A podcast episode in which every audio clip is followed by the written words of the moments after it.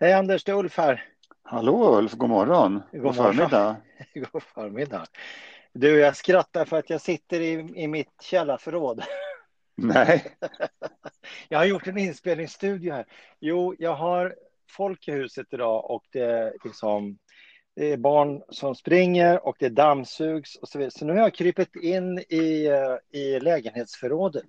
Jag tänkte det var en bra studio. Ja. ja, det är nog inte den enda studion som finns i ett källarförråd. Nej. Den, Men du, det låter ju fantastiskt trevligt. Vi kör ju nollbudget här så eh, det är väl eh, symptomatiskt. Du, hur mår du Anders? Jag mår bra. Jag mår bra. Pigg och utvilad, fick sovmorgon. Eh. Skulle egentligen åkt tidigt in till jobbet, men eh, jag fick äran att lämna en extra dag på förskolan och det betyder sovmorgon. Oh, lyx. Ja. ja. Du, eh, vad ska vi snacka om idag? Jag har en... Ensamarbete. Ska vi det? Ja, jag tänker det. Och det passar ju utmärkt när du sitter i källaren. jag känner mig faktiskt förbaskat ensam. Ja, ja men eh, eh, visst, det är inte helt lätt alltså. Och eh, någonting vi stöter på jätteofta. Eh, mm. Både i stora organisationer och i, eh, i små företag också. Mm. Och framför allt väldigt hög risk för olyckor om man tittar på ensamarbeten. Transportörer ligger ju illa till och de är ju sällan i lag. I bästa fall så är de två stycken.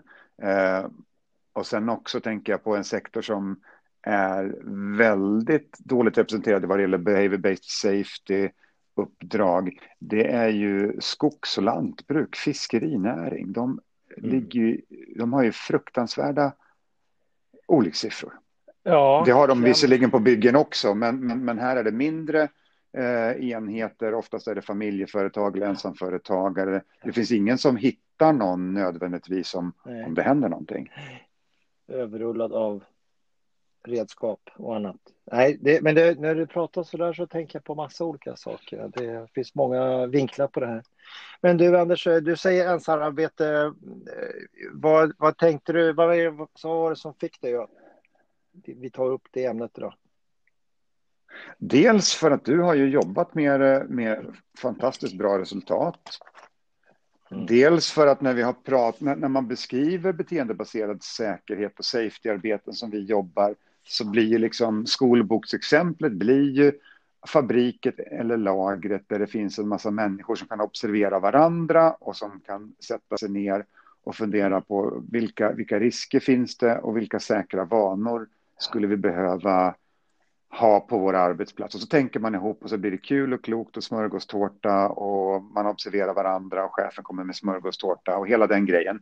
Men vad gör man liksom när, när en, en, en bra dag är när man inte träffar någon annan? Mm. Om du är liksom operatör på ett godståg eller mm. kör skogsmaskin. Ja. Och, vill, och, och gillar att vara själv, gillar att sköta allting och slippa bli störd. Och, Mm. Mm.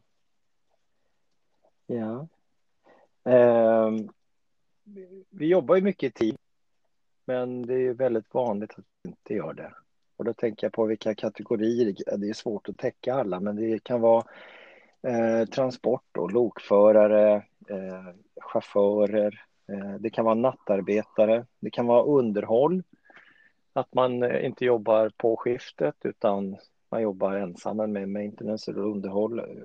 Eh, och lagerarbete eh, kan vara eh, det också.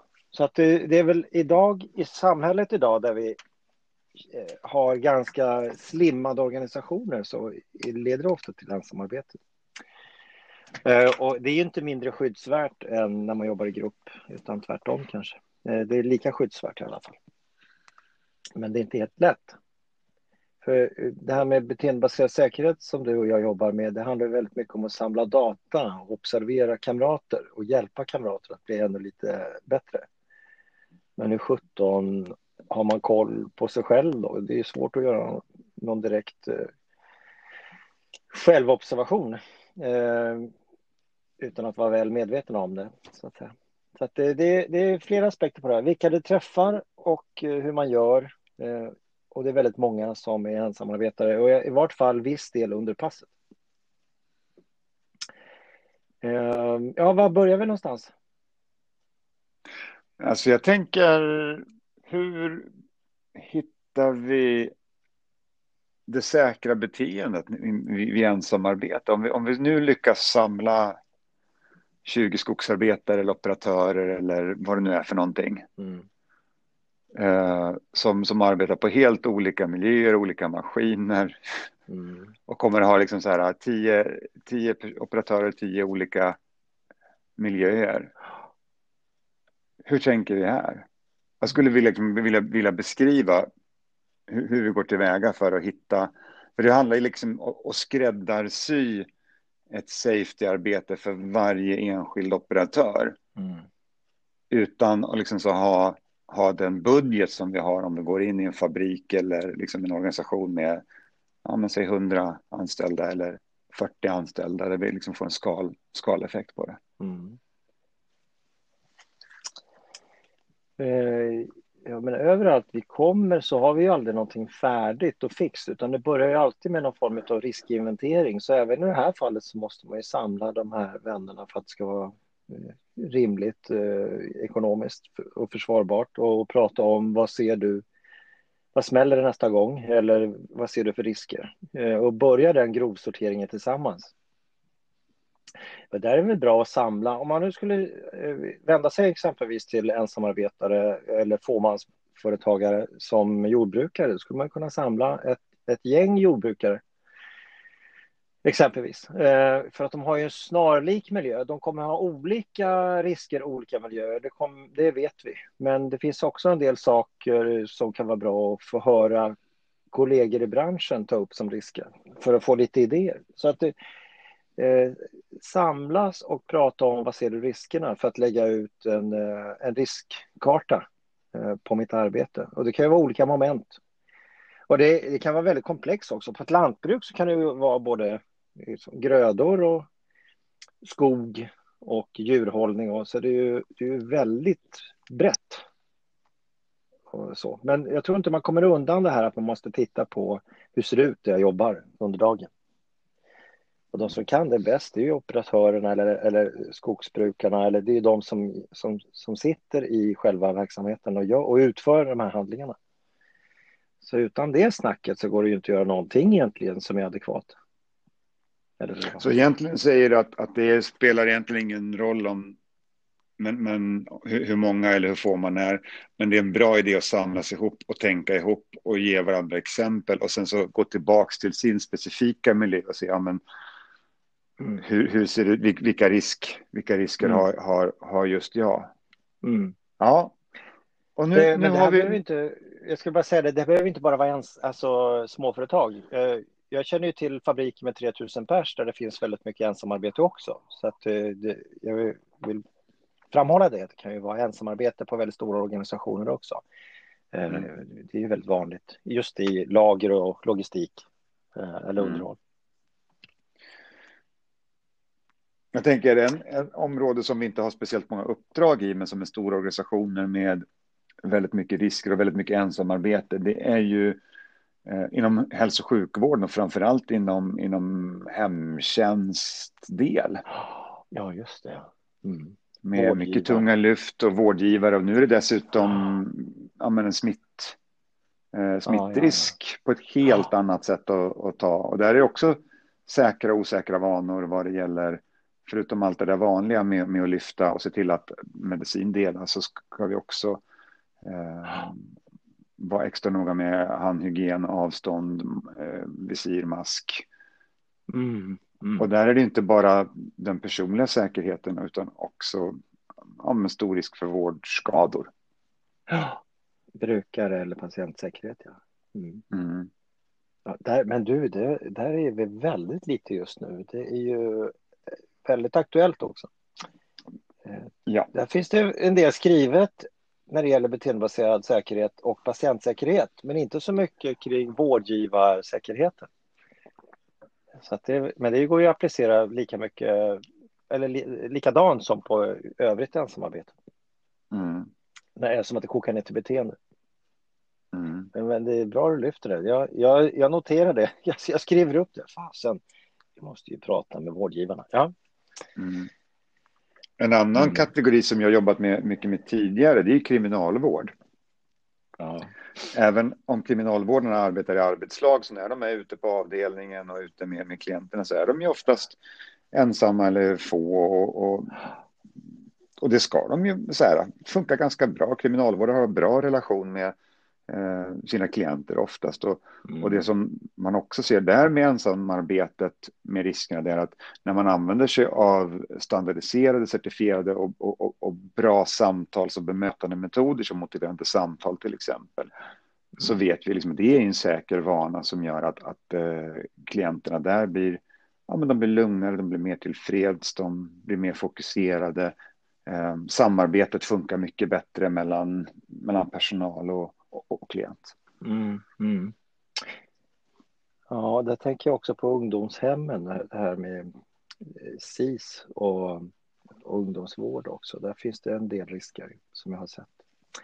Eh, som är väldigt eh, viktiga att ha koll på. För där skulle man kunna ja. göra väldigt mycket med beteendeanalys och BBS också. Men du, där, ja. ja. Säg.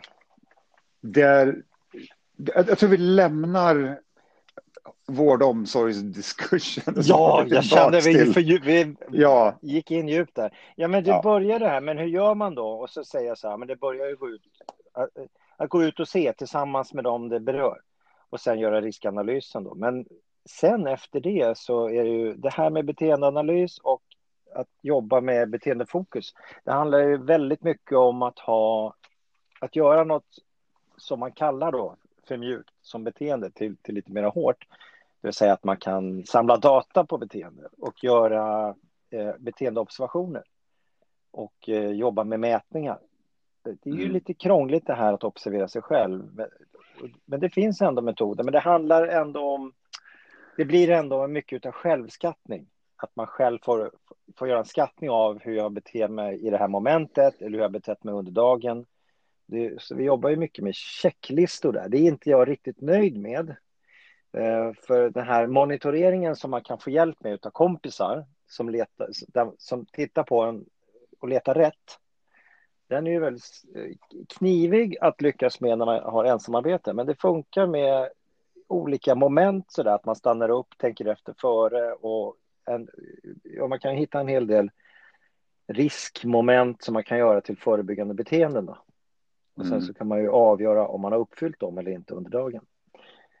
Eh, så mätningen kommer man ju inte ifrån. Den, det, den kämpar ju vi för att etablera även i ensamarbete. Och då har vi ju, då använder vi både papper och penna och appar och andra sätt Mm. Hur man kan göra det. Eh, för att kunna avgöra om det går åt rätt håll. För att skapa den här säkra vanan. Då. Men det behövs ju någon form av eh, observation och sen någon form av eh, feedback. Då. Hur går det för mig? Mm. Det är ungefär som jag går på gymmet som vi har pratat om tidigare. Att jag skrev, jag, för, förra veckan så hade jag åtta kilo i det här momentet. Nu kan jag höja till nio. Och så efter en hel säsong så ligger jag på 15. Så att det är det här att kunna följa en utveckling. Mm. Så mätningen är viktig även i ensamarbete, att kunna följa sig själv, att det går åt rätt håll, precis som på gymmet. Eh, fast att det nu kan handla om en skogsskördare eller en, ett lagerarbete. Mm. Men i, i ensamarbete, nu, nu, nu bubblar jag på Anders. Ja, gjort. Jag tänkte på lager just. Det kan vara, där är vi ganska tunnsått med människor och där så brukar vi inte bara jobba med beteende utan resultat av beteende. Och då kommer jag att tänka på ett, eh, ett, ett, ett eh, lager där man har saker på höjd. Då är det vanligt att man har pallar och pallplatser på lager. Och är det över huvudhöjd då brukar många ha som regel att de måste vara lindade, de här pallarna, så att ingenting ramlar ur dem. Mm. Så jag vet en fabrik uppe i Dalarna där man har det som uppgift, eller haft det som uppgift, att titta, gå runt under dagarna och köra ett svep och se om pallar över huvudhöjd är, är lindade eller inte. Så du behöver inte stå och vänta på att en kollega eller att du lindar en pall, utan du kan, du kan köra svep efteråt och se om, om det är som man har sagt. Mm. Så att det, det, bara för att vi har fokus på beteende så kan vi även ha mått som i resultat av beteende. Det, det brukar hjälpa. Att man, man kan konstatera att ett moment har gjorts. Ja. Ja, nu blir det väldigt tekniskt här. Ja, jag, jag, skulle vilja fortsätta vara teknisk, men jag skulle vilja liksom dra med det på en mycket mer konkret och tydlig nivå. Ja. Och bli mer liksom, vad säger man, 90 gritty. Yes. Eh, och om vi då tänker att, att vi har hittat eh, faror och risker och så har vi hittat beteenden som vi kan göra, som vi behöver göra mer av, som blir mer säkra. Så tänker jag liksom, um, här är ju principen egentligen samma oavsett om, om, om vi kan göra det i lag eller om vi, om, om vi gör det själv.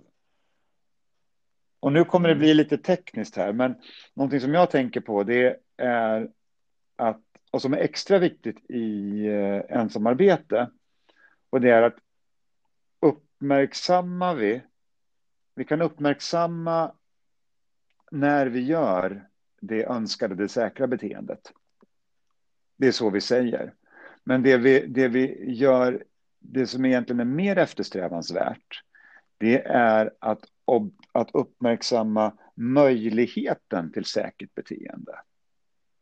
Det vill säga, vi, vi lägger oss lite innan beteendet och så säger vi så här, men hur många, hur många, kan vi öka mängden möjligheter till säkert beteende, då kommer de säkra beteendena automatiskt och liksom och, och, och bli, bli fler. Då kommer vi liksom så här stretcha det på, på, på volym också. Mm. Och det här med att uppmärksamma möjligheterna till beteende, det, det, skulle vi kalla för det beteendet att uppmärksamma, det skulle vi kunna kalla för nyckelbeteende. Mm. Och nycklar låser upp rätt beteende. Så hittar vi ett nyckelbeteende som låser upp säkra beteenden, så nycklarna brukar mm. vara ganska billiga att göra.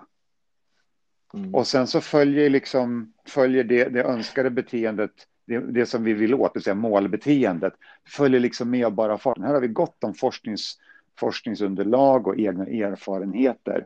Och då behövs också mm. förstärkaren, mm. alltså det vi uppmärksammar med, eller belöning eller vad vi vill kalla det för, det kan vara mycket mindre. Nu blir det här väldigt knastertorrt. Du får nog ge oss ett exempel då. Ja. Så att eh, vi hänger med här. Yes, ett exempel som jag har gjort på mig själv när jag har ensamarbetat, eh, när jag har varit egenföretagande konsult och kört väldigt mycket bil. Och det var på den tiden som det inte fanns adaptiv farthållare på den bilen jag hade i alla fall. Och jag körde runt 7000 mil per år. Mycket mm. inlandet, Dalarna, Värmland, Småland. Ett, mm. ett risk, en risk som jag hade i min arbetsmiljö, det är att jag kör för fort. Att jag tappar koncentrationen, att eh, jag missar att, att det går ifrån 90 till 80 eller 100 eller vad det är för någonting. Mm. Så istället för målbeteendet justera hastigheten till eh, vad jag får köra så tog jag beteendet som kommer innan, det vill säga notera hastighetsskylten. Så när det kommer en hastighetsskylt, då noterar jag det. Då sa jag högt för mig själv, 80 kilometer i timmen. Sen hade jag ett radband på, på backspegeln som gör att jag kan flytta mm. Jag kan flytta pärlor, tio stycken pärlor. Mm. Och varje gång jag flyttar ja. tio pärlor, då kan jag notera för mig själv, ja, men nu har jag gjort ett säkert beteende tio gånger. Och det intressanta var att jag, satte mig in, jag gav mig inte själv i uppgift att hålla hastighetsbegränsningar. Det fick jag göra som jag ville. Men, men det som är intressant när man gör det här, det är att när man noterar, då kommer det där andra beteendet som vi faktiskt vill åt, det vill säga att vi håller hastighetsbegränsningar, den kommer liksom så här, den kommer liksom automatiskt, den behöver liksom inte lägga så mycket tid på. Nej, ibland, ofta så var jag ensam, ibland så hade jag någon kompis eller någon kollega eller eh, någon kund som ville åka med. Och de garvar lite grann åt det där. Och det är helt okej, okay, för, för på 7000 mil så hade jag inga incidenter. Mm. Och det var, vilket, vilket jag hade innan, eh, inga fortkörningsböter, men jag kände liksom att oj, här vet inte jag hur fort jag får köra. Nu, nu tror jag att jag kör lite för fort för vad den här vägen är egentligen byggd för. Så det, det, är ett exempel på hur vi kan använda beteendeanalys som, som eh, vid ensamarbete och hitta de här nyckelbeteendena. Mm. Bra exempel. Gud vad nördigt. men, det, men det är väldigt relevant för det hjälper. Så det är inget bullshit. Det är så intressant. Det här har man ju det här använder man ju det här. Det finns ju kritiska faser i många arbeten. Det här när, när piloter går in för i planen och för att göra en landning. Det kallas ju för kritisk fas. Eller om man gör ett moment på en ubåt exempelvis. Det finns vissa faser. Eller om man växlar lok eller något sånt där. Så finns det vissa faser. Du kan inte göra annat för det blir obra. Du vill ju inte att din pilot sitter och eh, tänker på annat och, och, spelar Candy Crush när man ska gå in för landning direkt. Så att eh, en markör då för att ha uppmärksamheten förhöjd, det är det här att repetera högt. Precis som du sa där, nu ser jag 80-skylten, då säger du 80 km i timmen. att man, även om man är ensam, men att man ljudar det för sig själv eh, är också ett beteende. Och det använder man ju på i många olika moment, i försvaret exempelvis. Eh, man, man berättar högt vad man gör, skott kommer klart bakåt och det här. Och det är ju faktiskt, det har sin grund i beteendeanalys. Det är, det är roligt att det finns överallt eh, tecken på det, hur, hur man kan eh, plocka de här nyckelbeteendena. Eh, och eh, det är systemsatt. Fast vi vet inte att det kommer från beteendeanalysen alla gånger. Men du, mm. nu håller vi på att dra över. Nu är det 21 minuter. Nu får vi inte prata mer, Anders. Nej. Jag tror... Sammanfattningsvis. Sammanfattningsvis. Eh, många av de här säkerhetsbeteendena som vi gör vad det gäller checklistor och upprepa vad vi gör. Många gånger så behöver vi, min erfarenhet, vi behöver liksom bara påminna om varför det här är riktigt bra grejer. Varför, varför det räddar liv och knän och armbågar genom att använda checklistor och hur checklistorna ska vara utformade för att de inte ska bli, bli en belastning. Eh, och sen också en jätteviktig grej som vi inte får glömma bort och som är egentligen lättare vid ensamarbete, att, att där blir det ju mer frontlinjedrivet, speciellt om det är en ens, alltså ensamföretagare eller familje, familjeföretag. Att det är, det är liksom de här människornas specifika miljö som, som vi ska komma hem ifrån arbetet på ett säkert sätt. Så där har vi egentligen en fördel. Där, går, där finns det inte ens en HR som kan sitta och, och säga saker. Eller, eller som det oftast brukar se ut, att, att någon uppifrån kommer med välmenande förslag, men som uppfattas som, som order. Och sen så, och så missar man. Så det är mycket lättare att vara kontextuell. Mm. Sammanfattningsvis, det går att jobba mm. med det. Kan du säga något kort om resultat när du har jobbat med det inom transport? Nej, det funkar utmärkt. Det, det är det som är det fina med det här. Jag skulle säga eh, i min sammanfattning då att det, vi, vi vill träffa alla de här ensamarbetarna för att metoderna funkar. Det är bara det att eh, man är så rädd för kostnaderna och man vet inte om att det finns. Eh, men det funkar jättebra och resultaten är, de blir jättebra. Så att, eh, och det är mätbara resultat också. Eh, så det skulle vara roligt att få en impact på svensk statistik när det gäller eh, förolyckade eller olyckor när det gäller ensamarbetare. Det hade varit fantastiskt. Det tycker jag vi alla ska hjälpas åt och, och få bort eller få ner i alla fall. Eh, det var det jag tänkte säga om resultat. Goda resultat. That's it. Bra. Men du, Anders, vi får väl säga det är påsk. Idag är det, vi ligger lite sent här, vi, men vi vill ju passa på att önska alla glad påsk. Ja, absolut. Och oss själva. Ja. Och sen tror jag att många kommer att lyssna ja. på det här efter påsk, för när jag kollar i statistiken så verkar det här vara en podd som man lyssnar på under veckodagar. Men det finns lite gottigt ja. när ni kommer tillbaka från ledigheterna. Ja, eller ha en glad vecka då. Tack Ulf, vi hörs snart igen. Ja, morgon. Hej då.